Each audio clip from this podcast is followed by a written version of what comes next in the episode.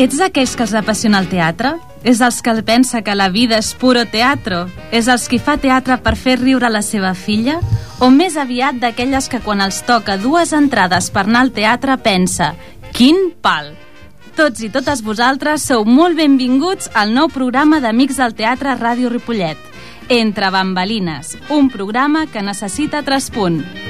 Aquest nou programa parla del teatre, de tot allò que veieu dalt de l'escenari i totes aquelles coses que passen darrere el taló, aquelles coses que el públic no pot veure i nosaltres tenim moltes ganes d'explicar-vos. Volem ser el forat del pany on tots i totes vosaltres descobriu el món del teatre, si és que no el coneixeu, o bé que aprofundiu en l'art de Talia. Com tota bona, bona obra teatral, el programa està farcit de personatges que aniran apareixent a escena i faran el seu paper a través de les zones radiofòniques.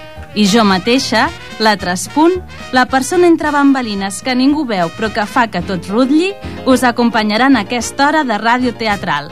El meu nom és Iris i us dono una benvinguda plena d'emoció i d'il·lusió. Comencem! Que s'aixequi el taló i com diem els actors i actrius abans de començar, molta merda i sort!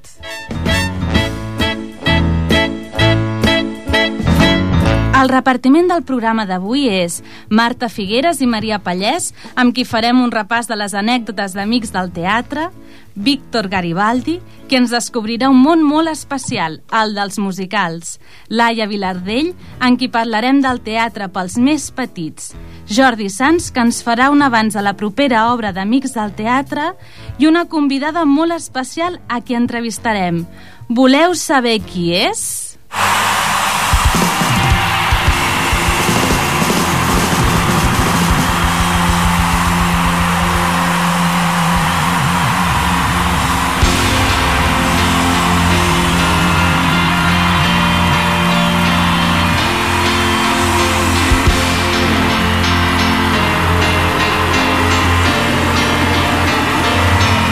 programa podeu fer-nos comentaris a la pàgina de Facebook d'Amics del Teatre de Ripollet. Entre tots els comentaris que feu durant el dia d'avui, sortejarem dues entrades pel proper espectacle. My rock of empathy, my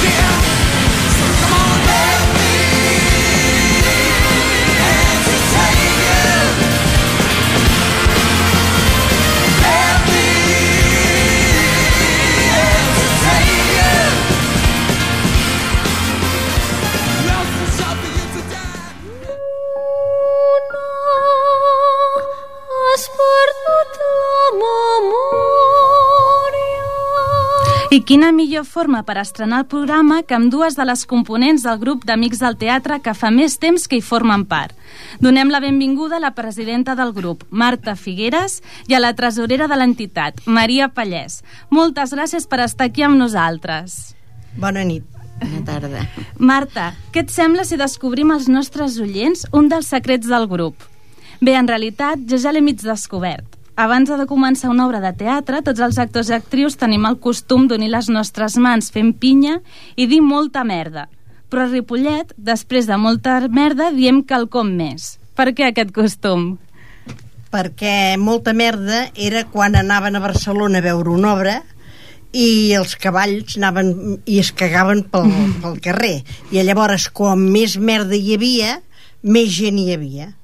Però això no és la sort. La sort és tenir sort a dalt de l'escenari. No molta merda. A vegades jo dic, la merda ja la tenim, perquè ho tenim ple. Hem de buscar molta sort. Molt bé. Marta, Maria, quants anys teníeu quan vau començar a fer teatre a Ripollet? Jo tenia 14 anys.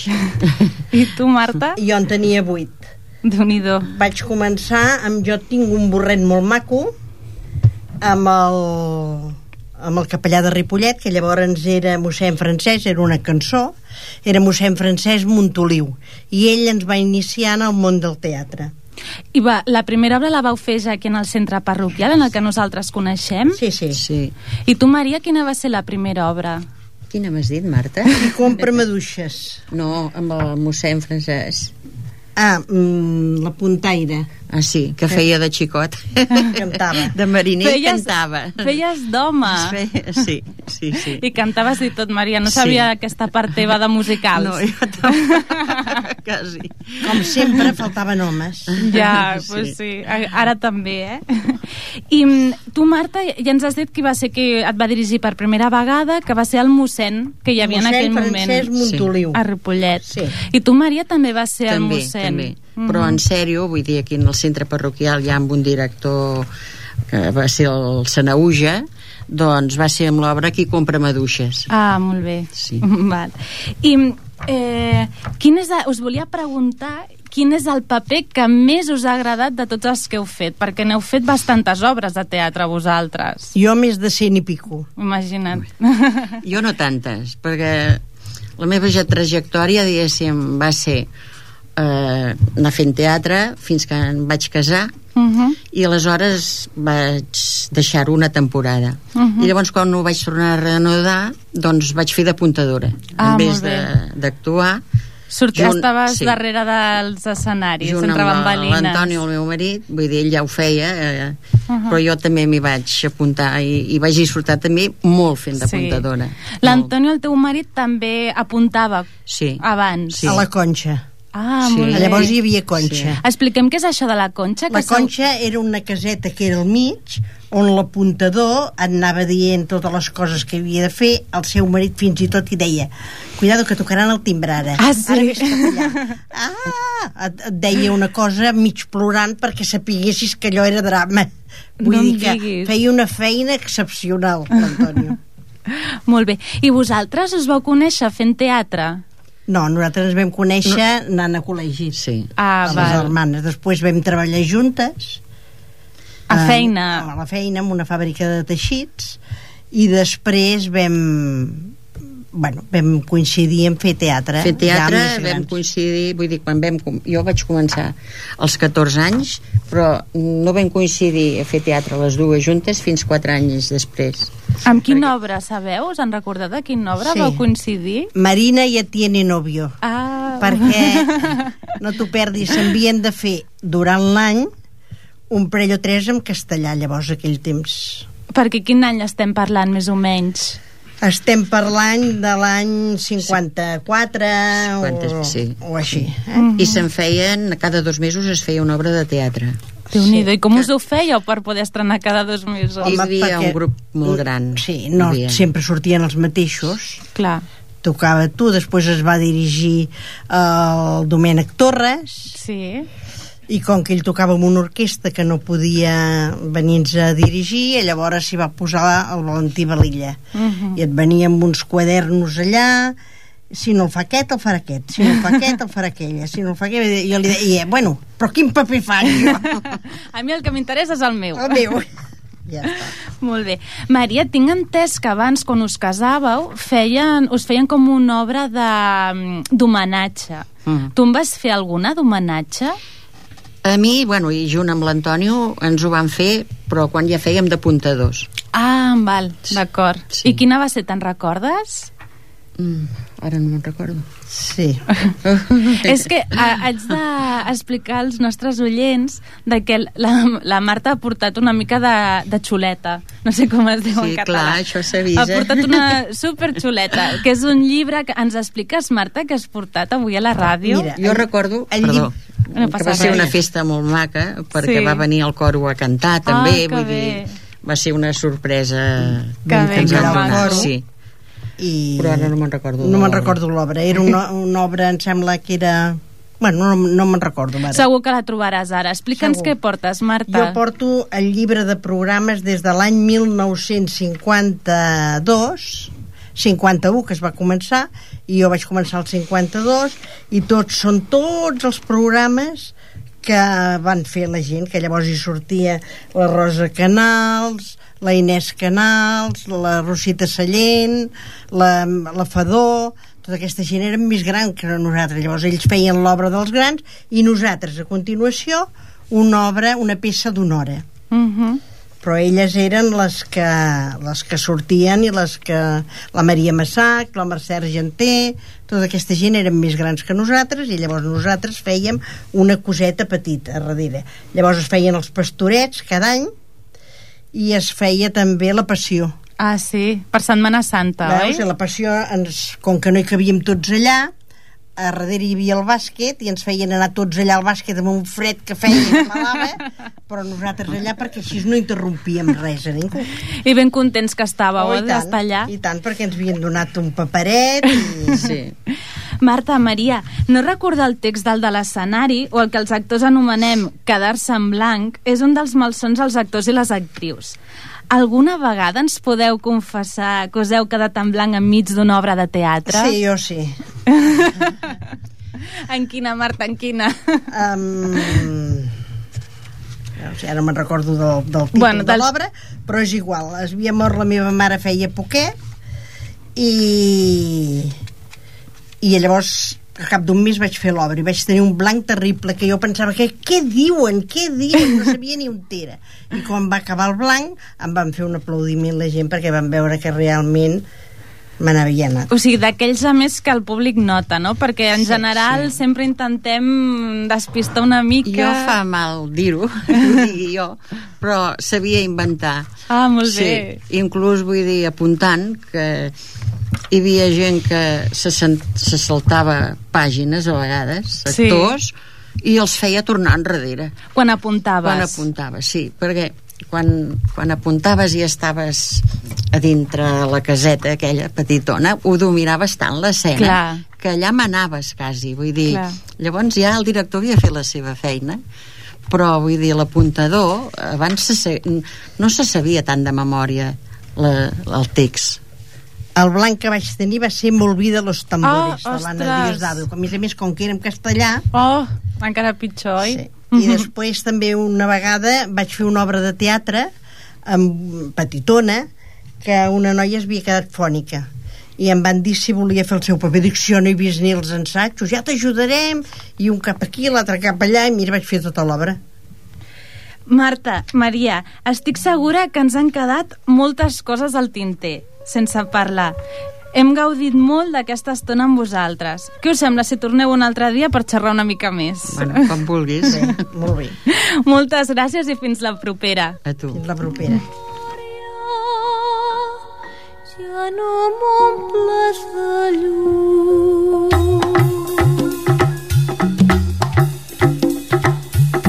Em sembla que no és massa correcte parlar de, per la ràdio de la vida personal d'una mateixa. Però per presentar la següent col·laboradora no puc fer-ho sense explicar-vos que la Laia Vilardell va ser la primera persona que em va dirigir quan jo tenia 14 anys. I també la primera persona que va confiar en mi per donar-me un protagonista còmic dins d'Amics del Teatre.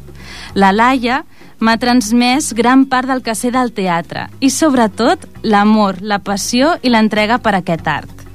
Any més tard, he pogut tornar-li, en escasa mesura, el favor, dirigint juntament amb en Víctor a la seva filla petita, la Núria. Laia, molt benvinguda i moltes gràcies per estar aquí. Moltes gràcies, bona tarda. La Laia portarà aquesta part del programa dirigida al teatre pels més petits. Ella, a part de ser mare, actriu i directora, es dedica professionalment a l'educació d'infants. Així que de ben segur que ens donarà una visió ben amanida de petits detalls del món teatral pels infants. Bé, ja sabem que fer teatre vol dir passar-s'ho sobretot bé i fer una activitat que només ens aporta que guanys personals. Doncs bé, aquesta secció parlarà del profit que en, que en poden treure els infants que proven l'art de fer teatre amb l'objectiu que us animeu a engrescar els vostres fills i filles a que ho provin. Abans, però, m'agradaria agrair a l'Iris que m'oferís aquest espai. Les meves dues grans passions a la vida són el món de l'educació i el teatre, com ha dit l'Iris.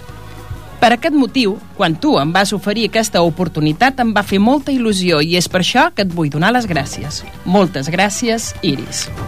De res, Laia. Doncs jo us parlaré durant una estona dels molts i molts beneficis que un nen i una nena en pot treure de fer teatre. A cada programa us parlaré d'un d'aquests beneficis. L'Iris em va proposar que comencés sempre amb un petit títol o eslògan que encetés el tema d'aquell dia. Em sembla una idea genial, però avui, per ser el primer dia, no t'he fet gaire cas. I començo amb una frase d'un senyor que és advocat, poeta, escriptor, actor i unes quantes coses més. És mexicà, té 78 anys i es diu Hugo Gutiérrez Vega. I va dir el següent. Per mi el teatre va ser una experiència molt enriquidora. La possibilitat de deixar de ser un mateix és sempre molt bonica. I he volgut dir aquesta frase perquè fer teatre es pot mirar com el joc de fer veure que som altres persones, oi? Doncs bé, fixeu-vos. Als dos anys de vida d'un infant apareix el que li diem el joc simbòlic. El joc simbòlic no deixa de ser el joc en el qual el nen i la nena imiten les accions de la vida quotidiana dels adults. S'inventen històries i les representen. I jo pregunto, això no és fer teatre? A través del joc simbòlic, l'infant aprèn a ser creatiu. És un tipus de joc espontani que l'ajuda a resoldre conflictes, tensions, sentiments i a conèixer-se a si mateix i a l'entorn social que l'envolta. O sigui, que nosaltres no hem inventat res, Iris. I quan diem que el teatre ajuda els nens i les nenes i a tothom en general, és perquè, observant els mateixos infants amb el seu joc espontani, hem anat descobrint el per què volem fer teatre. Tots i totes tenim aquell coquet dins nostre. Tots tenim la necessitat d'interpretar, de jugar a fer veure que som altres persones. Qui de nosaltres, de petit, no ha jugat a nines, a cuinetes, a metges, a fer de perruquers, de mestres... I no recordeu lo bé que ens ho passàvem?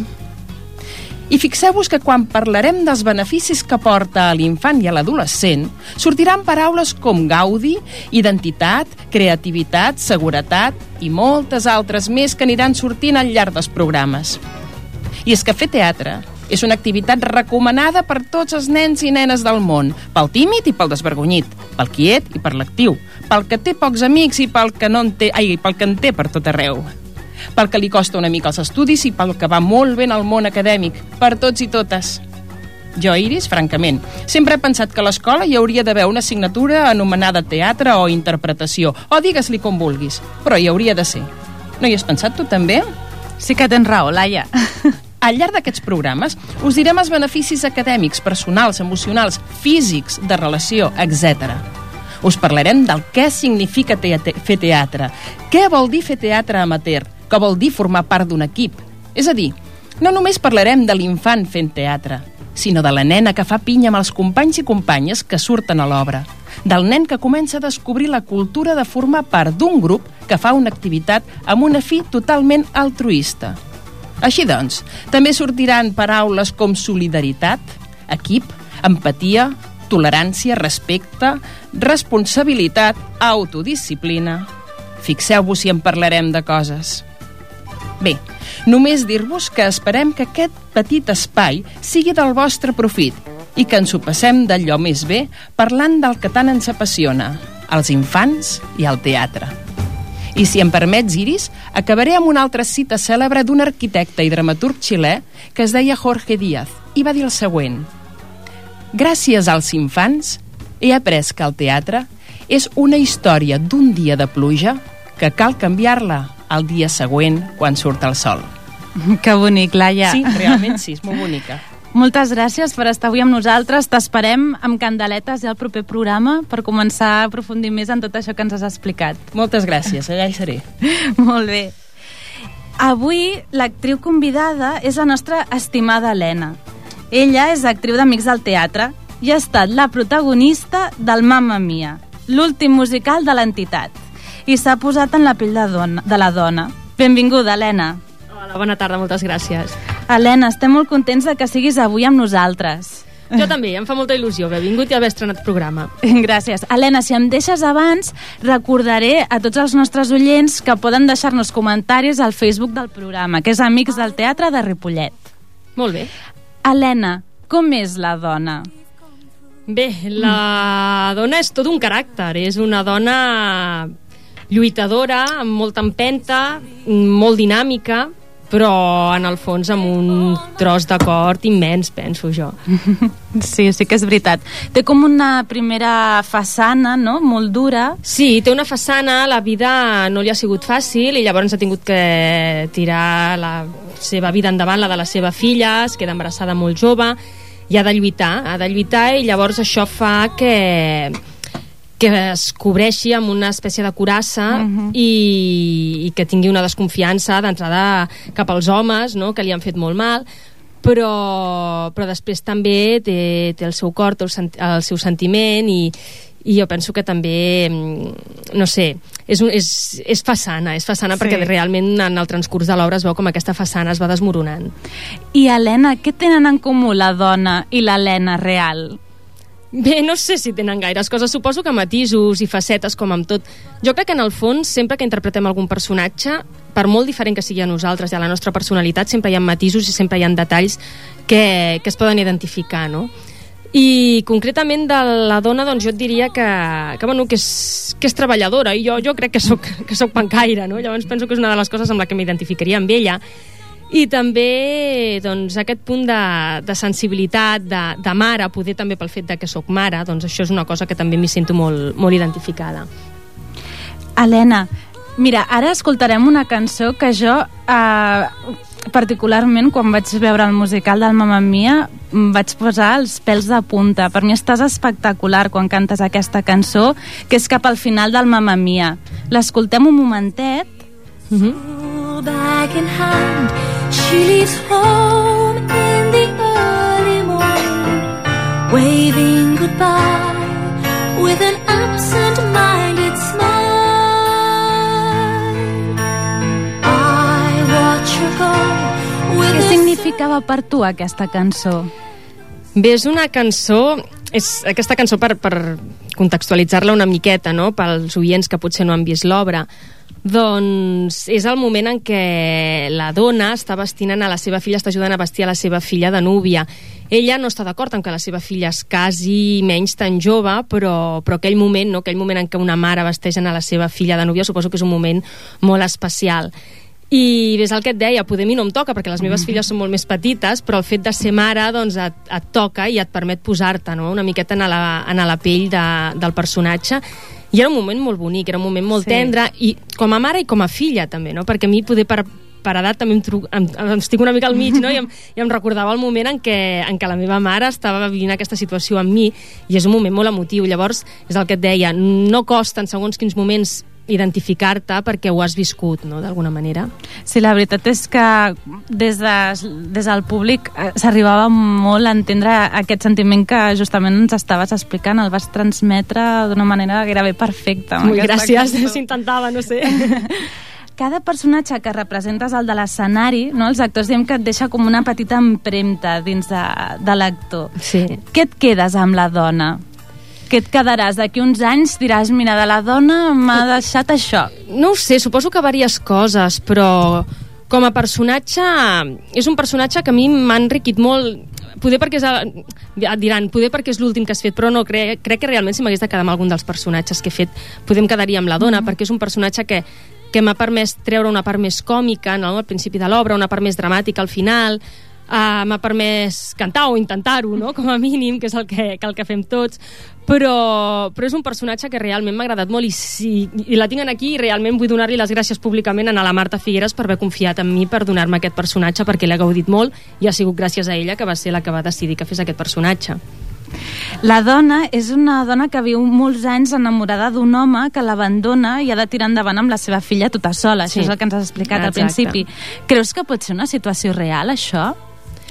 Doncs suposo que, que sí que deu haver-hi molta gent que es trobi en aquesta situació. Hi ha moltes dones que han de lluitar soles, moltes dones que per circumstàncies diverses es troben en què poder les han abandonat, poder els pares no, les han, no els han donat suport en el moment en què s'han quedat embarassades, com és el cas de la dona, i que han decidit que volien tenir el seu fill i que volien tirar endavant. I és, jo penso que és l'exemple de novel·lat, no? i amb uh -huh. les cançons, i que t'ho fa tot com molt més fàcil i molt més passable, però que realment és, és un exemple de- d'una situació dramàtica que viuen moltes dones uh -huh. per tirar endavant. I mm, vist des de des d'un altre punt de vista, no, la dona viu enamorada tota la seva vida d'un home. Sí. Eh, creus en aquest amor per tota la vida? Creus en la mitja taronja, tu? Jo hi, de moment, jo hi vull creure. jo penso que sí. Aviam, jo crec que a l'amor aquest del príncep blau i el príncep ideal jo no sé si realment existeix, però sí que penso en el projecte de parella i penso que quan amb algú t'hi entens sempre hi ha diferències. A mi que em digui allò del contigo pan y cebolla crec que no és real. Això penso que no és real. Però, però penso que el, el projecte de parella, el projecte de, de construir una vida junts, doncs jo crec que sí. Jo, de moment em funciona, A tu no sé, preguntar, però de moment m'ha Perfecte. funcionat. I com han estat els assajos del Mamma Mia? Tenem, també tenim aquí a la Marta, que ha parlat al principi del programa, que ha estat la directora del, del musical, que hem fet aquesta festa major. Com han estat els assajos? Com ha funcionat? Doncs la veritat és que hem patit una miqueta, eh? No ens Com hem d'enganyar. sempre, sempre no patim nosaltres. Hem patit perquè era un projecte de molta envergadura, era molta gent, era el tema amb les cançons i tot això sempre doncs, complica més a part de la interpretació, no? les situacions, les coreografies eh, vam estar a punt de tirar la tovallola i jo penso que ho hem de dir perquè ara n'estem satisfets de com ha anat però va haver-hi un moment en què vam dir ei, mm, plante- replantegem-ho, si no hem de fer una cosa digna doncs pleguem i no passa res Després va haver-hi un moment determinat en què vam fer un canvi, no? Jo crec que vam fer un clic en el cap tots plegats, vam dir vinga tots a la una, es va incorporar, per exemple, la, la Marta López, que jo penso que va ser un puntal, la Marta Figueres també hi està d'acord, es va incorporar la Marta López que ens va donar suport amb el tema de les coreografies i amb muntar escenes i així, i va ser com que vam començar a veure la llum, tots ens hi vam anar implicant molt més, i, i bueno, fins avui no? que, que l'hem tingut que fer un, més vegades de les previstes Què et sembla si ara parlem una mica de tu? Perquè jo estic segura que els nostres oients tenen ganes de saber una mica qui hi ha darrere de l'Helena actriu. Quina edat tenies quan vas començar a fer teatre? Doncs la primera obra la vaig fer amb 18 anys. Ja havia fet la Marta poder ni se n'en recordarà, però quan tenia 9 o 10 anys vaig fer de traspunt, una vegada amb la Ah, sí? caputxeta vermella. Ella dirigia Apa. les meves amigues i jo les anava a veure el diumenge, allò que anaves a missa i després sorties quan feies la comunió i aquestes coses, no? I recordo que llavors la Marta em va fitxar i vaig fer de traspunt. Després em vaig apuntar amb 14 o 15 anys en una escola de teatre que feia el, el Valentí Valilla, Mm, els sí. dissabtes de la tarda, i també vaig, vaig anar-hi i després a nivell de, de fer ja una obra, no? i de posar-te dalt de l'escenari, la primera va ser als 18 anys que es deia Els arbres moren drets. Els arbres moren drets. Sí, de l'Alejandro Casona, si no recordo malament, sí. I feia qui un- te la dirigia, aquesta? Doncs el Valilla, el Ah, Valentí. Valilla. Què tal va ser ser dirigida pel Valentí Valilla? Perquè nos, crec que tots el recordem, els que no l'hem conegut, com sempre ens han explicat que ha estat un gran director, però tu que has tingut la sort. Va ser l'única obra que vaig fer amb ell, perquè jo crec que ja era una mica dels seus finals, no? però totes aquelles coses que els més antics expliquen així, les- d'anècdotes i tal, jo crec que, que bueno, són molt el, el cuca-cuca que et deia, no? Ah, sí? sí, això ho recorda molta gent. Era un molt bon director, era un, no sé, et marcava l'escena, et marcava la interpretació, i jo, va, va ser una experiència, ja et parlo de fa molt temps, però jo crec que va ser com una molt bona primera escola. I d'aquesta, després d'aquesta primera obra dels arbres moren drets, com ha estat el teu recorregut? Ets més una actriu còmica, dramàtica... No t'ho sabria dir. La veritat és que suposo que he fet una miqueta de tot. He fet eh, papers una mica més còmics, poder, com la Susi del No et vesteixis per sopar, que era un paper que no tenia gaire cosa, però que li- m'ho vaig passar molt bé fent-lo, no? perquè li vaig crear com un personatge així mig... Mm, eh, vaig posar un accent francès i un, així una mica pijo i bueno, vaig crear un personatge que, que em vaig divertir. Eh, La comèdia a les fosques. La comèdia a les fosques, també. Tenia... Aquesta jo feia jo d'apuntadora. Aquesta sí, sí. Aquesta també era que divertida. el Tobau em va fer posar-me darrere del sofà. Per, apuntar, per tenir temps a prop i sentir-te bé. Sí. Això ja passa. Això, ara ja intentem que no ens passi tant, això. Però vaja, i no sé, molts... El, l'Agnès de Déu em va fer patir molt, per exemple, feia un paper d'una madre superiora, no? Aquest em va costar molt perquè jo era molt jove i interpretava una, una hermana de 50 i pico d'anys i no m'hi acabava de trobar. Llavors, bueno, sempre tens papers que, que els recordes més bé i altres que t'han fet Que patir més. més. Sí, sí, però vaja. I, Helena, per acabar, què significa per tu formar part d'Amics del Teatre? Ah, a mi m'encanta, m'encanta per moltes coses, m'agrada perquè faig teatre, m'agrada perquè perquè en allà hi tinc amics, he conegut gent que ara són amics meus i hi ha amics meus que formen part del grup Uh, faig teatre, per exemple, amb la meva germana, no? que m'ho passo genial amb ella, és una manera de compartir un altre, un altre vessant i, i bueno, d'entrada ara que em parlaves abans de la mitja taronja, jo dins d'Amics del Teatre vaig trobar la meva mitja taronja, o sigui que per mi doncs, Mira, quina sort. és molt especial. Helena, moltíssimes gràcies de nou per haver vingut. Estem molt contents de que hagis estat la nostra primera actriu convidada entrevistada aquí al programa. I jo us ho agraeixo molt. Et seguirem pels escenaris repolletencs. Bona tarda, gràcies. Bring a frown to old Broadway. Now you got a clown on Broadway. Your troubles there, they're out of style for Broadway. Us recordem que podeu deixar els vostres comentaris al Facebook del grup Amics del Teatre de Ripollet. Ja tenim al nostre estudi un dels personatges principals del programa. Us haig de confessar que en Víctor està una mica boig. Boig pels musicals. No conec ningú més que sàpiga tant i que hagi vist tants musicals. Benvingut, Víctor Garibaldi. Moltes gràcies, Iris. En Víctor és actor i director d'Amics del Teatre i té un gran recorregut en protagonitzar musicals. El Barnaby de Hello Dolly, el Simba del rei Lleó, el Mickey de Germans de Sang, el Said de Maricel i últimament el Bobby del Company. Víctor, quants musicals has vist en total? Uf, moltíssims. Jo diria que eh, potser entre 30 o 40. I només a Broadway, a Nova York, quants ens has pogut veure?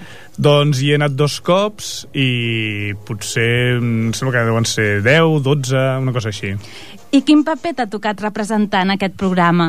Doncs en aquest programa m'ha tocat un dels meus preferits, que és el de parlar sobre el teatre musical, que és el meu gènere preferit dins del teatre. Fantàstic. Quin musical has triat per començar? La llista és llarga i triar un és difícil. Sí, com tu dius, la llista és molt llarga i es fa molt difícil començar per un.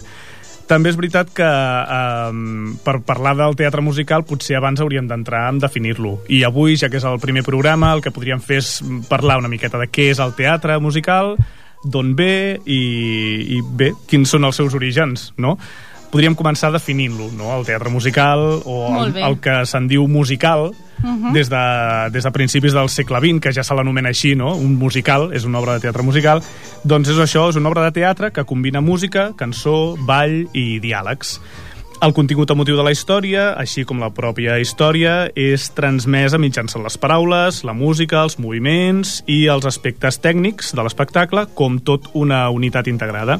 És a dir, que estem parlant d'actors que saben interpretar, ballar, cantar... déu nhi Doncs sí, han de ser actors molt complets en aquest sentit. També és veritat que depèn de l'espectacle, depèn del musical, cal que se- sigui un actor que és més potent interpretativament que no pas cantant, perquè són personatges més treballats.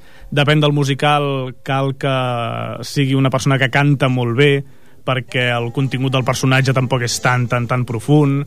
Depèn de l'espectacle, el que cal és que siguin ballarins per sobre de tot, perquè és un espectacle on s'ha de ballar per sobre de tot. Per tant, cada musical té, té els seus requeriments.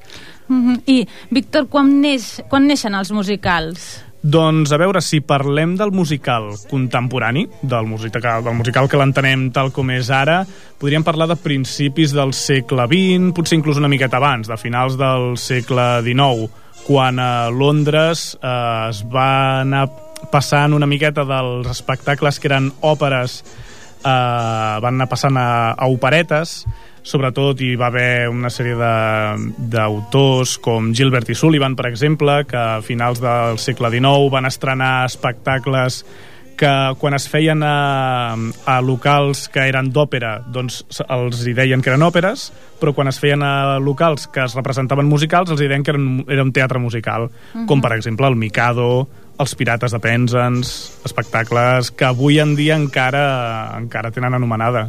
I tant, i que hem vist aquí a les nostres terres, no?, a Catalunya, Mm. Sí, per Dagoll de Gom. Sí, exacte, Mhm. sí, sí, és un dels, de fet, Dagoll de Gom és un dels pioners dins de Catalunya del teatre musical i dels que ens ha portat més teatre musical a Catalunya. Uh -huh. Molt bé. Sí, sí.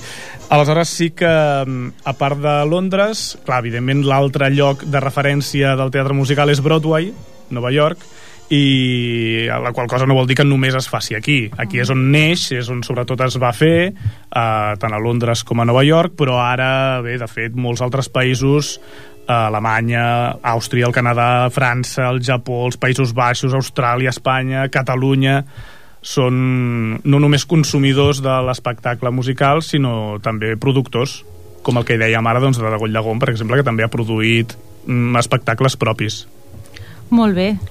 Si parlem més aviat dels orígens, perquè sí que parlàvem del que era el teatre Sí. musical contemporani, Sí. eh, ens hauríem de remuntar potser molt més enrere que sí, aquí sí que només farem una lleugera pinzellada perquè, perquè és veritat que, que el teatre musical eh, els seus orígens no és mm, com el coneixem ara, és clar. Ah, no? No, si de fet si ens plantegem com en quin moment es va introduir la música dins del teatre, que és el naixement pròpiament podríem dir, doncs clar, estaríem parlant de l'antiga Grècia. A Grècia. Clar, sí, sí, quan els grecs el que s'encarregaven era, era de, doncs, dels seus espectacles, com per exemple doncs, els filòsofs aquests que tots hem estudiat, eh, doncs Sòfocles, per exemple, a part d'escriure els seus, els seus guions de teatre, doncs també composava música i feia que, que cantessin els actors i incorporessin números musicals. Tot això estem parlant de, bueno, segle V abans de Crist. Imagina't, Els si fa romans temps que també. roden els musicals sí, pel sí, món. I tant, i tant. Els romans també, amb, amb Plauta, que també incorporava elements potser més tècnics al segle III abans de Crist, elements com, per exemple, unes, unes plaquetes que s'instal·laven als, als cantants i ballarins, el que ara podríem dir que són les, uh, les sabates de claquer, Ah, no? les primeres tu. sabates de claquer. I a la Índia també. Bueno, A la Índia? Sí, sí, sí. Allà també també es va... El que ara coneixem com a Bollywood, Sí. doncs té els seus orígens també a, de fa més de 2.000 anys. Uh -huh. Així és que els orígens són, són molt antics, molt anteriors, Sí. però sí que és veritat això, que evidentment passant per l'època, per l'edat mitjana, per la Renaixença, segles XVII, XVIII, que es van anar fent coses més treballades i produïdes directament per fer-se amb, amb el que és el musical, doncs ja es va començar a fer molta cosa, però sí que com el, com el coneixem ara, el que dèiem al principi, des de primers del segle XX. I ara, Víctor, em sembla que et faré una pregunta de nota. O sigui que si no ens la saps, no passa res. Però tu saps quin va ser el primer musical que considerem de l'època moderna? O almenys on es va estrenar? On va ser? El primer musical es diu, perquè clar, aquí dependrà ja de, dependrà de cadascú, però sí que es diu que a Nova York uh -huh. es, va estrenar, es va estrenar el 1866 i això és per nota, però ho tenia una mica preparat, eh? perquè no ho sabia, si no. Uh, es va estrenar un musical que es deia The Black Crook, a The Londres. Black Crook? Ai, sí, a Nova York, exacte. Ahà, sí, sí. a Broadway, com sí, no. Sí, sí. I aquest és el primer que, que es considera que és, és el, el primer musical. Doncs, Víctor, moltíssimes gràcies. La veritat és que, clar, el musical em sembla que ja... Avui que hem après que va néixer a l'antiga Grècia, em sembla que podrem parlar molt i molt dels Sí. musicals hem de, no, ens hem quedat sense parlar dels tipus de musicals que hi ha, però tindrem molts més programes per anar parlant, així Mm. Exacte. que ens veiem el mes vinent Mhm. i parlem una, una mica més. Moltes gràcies per estar aquí amb nosaltres. Gràcies a tu, Iris. I ara, ara parlarem amb en Jordi Rodríguez, que és un gran apassionat del teatre i li agrada estar al dia de les estrenes, tant les que es fan al nostre poble com a Barcelona. Amb ell cada mes descobrirem l'opinió d'uns ulls experts sobre una estrena teatral. Gràcies, Jordi, per ser-hi. Què ens portes avui? Hola Iris, què tal? Molt bona nit, molt bona tarda. Hola. Primer de tot, felicitar-te perquè segueixo aquest primer programa teu des de que ha començat i des del poble veí, des d'aquí Cerdanyola, i s'ho sent perfectament. Ai, que bé. I a part de sentir-ho perfectament, és que és molt agradable sentir-vos tot el que dieu, tant tu com tots els teus convidats d'avui. Ha estat molt, genial. Molt bé, Jordi, moltes gràcies. Molt bé, doncs avui us porto una opinió, més que crítica, és una opinió. Jo sempre, quan dono opinions, acabo dient si serveix, bé, i si no, a les escombraries. Doncs una opinió sobre una obra de teatre, també musical, ja que el Víctor ce- ho ha cedit amb safata, que es diu Opereta. Uh -huh. Començo, doncs. Molt bé, som-hi. Titularia la crítica com, o l'opinió com opereta o quan les versions 2.0 sí que valen la pena. Ara fa uns sis anys, més o menys, vaig anar al Teatre Condal de Barcelona a veure una obra musical titulada Òpera, escrita H-O-P, signe d'admiració E-R-A, Òpera. L'espectacle volia ser un delirant apropament al món de l'òpera des de la perspectiva de l'humor i el teatre de gest. El text el signava Jordi Portí i Toni Albà, i la direcció era del mateix Portí. Us he de dir i confessar que vaig sortir molt i molt decebut. La música era enllaunada i els set actors que hi sortien es limitaven a moure els llavis mentre intentaven fer riure el públic, tot parodiant les escenes clàssiques de l'òpera i el ballet clàssic. En fi, un espectacle que ben poques vegades aconseguia arrencar algun somriure i que, malgrat tenir com a excusa una de les músiques més boniques del món, un arribava a la conclusió que a casa se la podia escoltar millor i molt més tranquil·lament amb un CD. Però per contradir la típica frase de que segones parts mai van ser bones, en Jordi Portí, que al meu entendre es deuria quedar amb un mal regust de boca d'aquella primera experiència, es reinventa, jubila el senyor Albà, contacta amb un impagable grup d'actors cantants mims anomenat Cor de Teatre i ens escriu i dirigeix Opereta. Opereta és una experiència única de música, teatre i humor, on 26 cantants actors ens ofereixen una generosa aproximació als passatges operístics més populars de Verdi, Rossini, Bellini, Mozart, Bizet, Wagner o Offenbach, entre d'altres. En ella s'hi pot trobar un rodatge impossible del brindis de la Traviata o un Tour de França en què els corredors pedalen el ritme de la famosíssima àrea del Barber de Sevilla o una història d'amor entre dos treballadors de la neteja d'una estació amb la banda sonora de dels esclaus de Nabucco de Verdi. Realment, per la descripció que he fet fins ara d'opereta, sembla que sigui una còpia d'aquella, per a mi fallida, primera versió, òpera. Però el canvi substantiu està en que sense cap mena d'orquestra i només amb un bon grapat de veus excel·lents que canten a capella, aconsegueixen que el públic s'oblidi que no hi ha músics. I ara sí, afegiu aquí tot el talent, humor, ritme i força visual que no va tenir el primer intent i tindreu l'explicació de l'èxit d'aquesta peça. Aquests dos canvis fan que una bona idea es converteixi, ara sí, en un bon espectacle. El grup Cor de Teatre és una agrupació coral banyolina dirigida per David Costa, un grup que trenca esquemes i que porta la música a capella més enllà dels seus límits. A més, quasi tots els seus components surten del món amateur, i això, pels que continuem estimant l'art teatral des de la part més dilatant, és sempre un motiu més per valorar el resultat. Al cor de teatre l'integren més músics que actuen que no pas actors que canten. Però calleu-me que no se'ls hi pot retreure res en cap de les dues vessants. En fi, el meu consell per a aquesta obra és que no us la perdeu. Si us agrada riure al teatre, aneu-hi. Si us agrada la bona música cantada en directe a capella, aneu-hi. I si sou amants de l'òpera més tradicional i encursetada, aneu-hi amb l'esperit ben obert i deixeu-vos sorprendre. De ben segur que no decebrà ningú. Aquesta és la meva opinió. Si serveix, perfecte. I si no, a la brossa. Jordi, moltíssimes gràcies. A més, em fa molta il·lusió que hagis encetat la teva secció d'opinió teatral amb una obra que, com tu ben has dit, estava integrada per un grup amateur, no? Exacte. O sigui que, molt bé, moltíssimes gràcies i t'esperem al proper programa. Molta sort i molta merda. Un petó molt gran. Adéu, Iris, adéu. Adéu. Per acabar el programa d'avui, ens ha vingut a visitar en Jordi Sans, director del proper espectacle d'Amics del Teatre. Jordi, què estàs preparant? Hola, bona nit. Bona nit. Doncs estem preparant eh, pel dia 26 de desembre, que és Sant Esteve, estem preparant les tres germanes d'en Chekhov.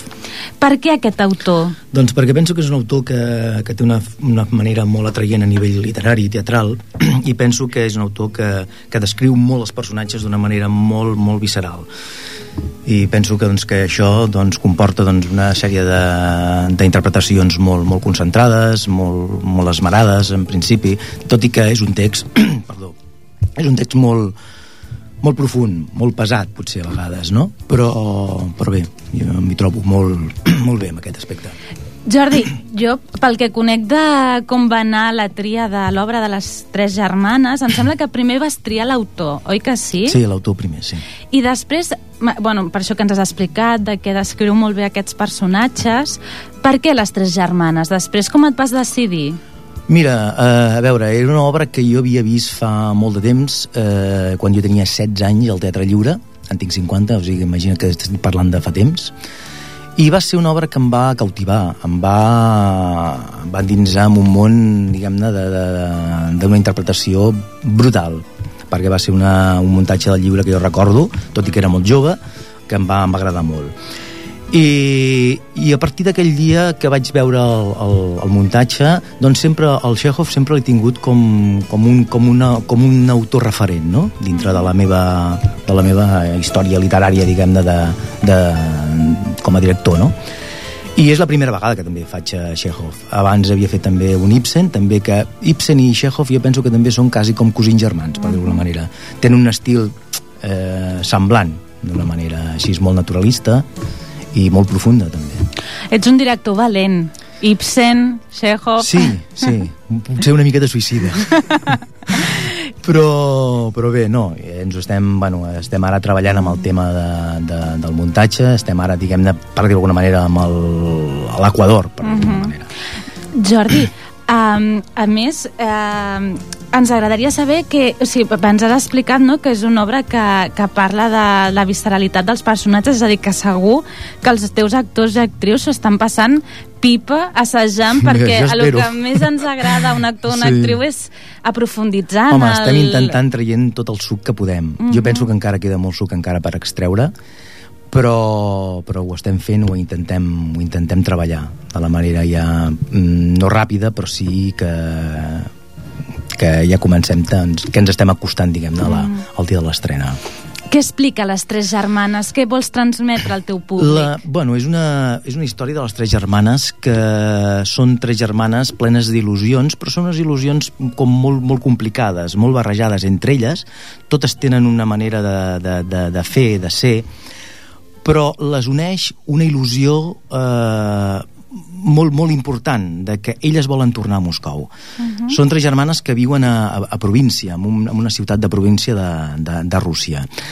I elles han estat eh, molt, molt marcades per la vida familiar. Son pare era, era militar i les va, les va com a adoctrinar d'una manera molt rígida, molt militar. I això amb elles eh, ho tenen com, com, com molt assumit, no? I després elles, doncs, eh, d'una manera o altra, cada una doncs, agafa la seva vessant com a, com a caràcter propi de, de cada actriu i, i ja et dic, i són molt diferents una darrere de l'altra però eh, també, també uneixen molt vull dir, tots els seus problemes els volen compartir els volen assumir inclús els volen eh, d'una manera eh, particularment doncs, eh, no sé com explicar-ho ara, potser d'una manera molt, molt, molt vessant en elles mateixes. I bueno, doncs així és, la història una miqueta de, de les tres germanes. Quasi que en les tres germanes podrem veure uh, una mateixa situació vist des de tres punts de vista diferents. Sí, no? Que de vegades en la, en la nostra vida quotidiana un veu un problema, una situació només des d'un punt de vista Mm. i no és capaç de, de girar una mica no, la Sí, taula sí, sí. i veure des d'un altre vessant. És un bon exercici. Sí, són diferents, ja et dic, diferents eh, caràcters de, de cada una. Per exemple, la Irina, que és la petita, doncs és la que, la que diguem-ne, viu en una bombolla, diguem-ne, de vidre, que després, doncs, clar, aquesta bombolla ja arriba un moment que es trenca. L'Olga és, molt, que és la gran, l'Olga és la que és una, és una, una persona, doncs, com, com, molt, com molt, molt centrada, molt, eh, molt rígida, i, i, la, i la Masha doncs, bueno, és una persona amargada amb si mateixa perquè bueno, doncs, està amb una persona a la que no estima i que doncs, eh, té un, un amor eh, en el que no no pot ni compartir ni pot tindre, no? I, bueno, doncs, ja et dic, són, són històries familiars, socials a la vegada també, perquè són coses que també ens poden passar avui en dia, i, bueno, jo penso que també és actual fa uns quants anys enrere quan es va estrenar, com ara, com, com Sí. d'aquí a 100 anys. És la gran definició d'un clàssic. Sí, sí, seria això, Iris. Això Sí, seria, és- exacte, seria la no? definició d'un clàssic. Poder veure-la ara fa 100 anys o 100 anys més Mm. Sí. endavant. Sí. Jordi, jo ja tinc ganes de veure les tres germanes. Suposo que tu també tens ganes sí, d'estrenar-la. Sí, ja tenim també una mica de ganes. Doncs, què et sembla si el proper programa, al Sí, desembre, et sí. vens també? I es- Vindré acompanyada de les tres germanes. Ah, perfecte. Doncs estarem Sí, contentíssimes de que Sí, estiguin no aquí. crec que hi hagi cap problema. Perfecte, i així també estarem més a prop de l'estrena i ens podràs donar Sí, més detalls sí. de com va la, el muntatge. Sí, suposo que ella també us dirà més o menys com eh, els seus personatges propis, us ho explicaran potser Mhm. de la manera que elles ho estan visquent. Doncs moltíssimes gràcies, Jordi. Gràcies. abans d'acabar, voldria agrair a totes les persones que han estrenat el nostre progra- programa. Ha estat genial. I un petó molt i molt especial a la nostra estimadíssima veu en off, Mònica López. Gràcies per fer-ho possible. I fins aquí el programa d'avui. Esperem que hagueu gaudit del nostre vostre programa.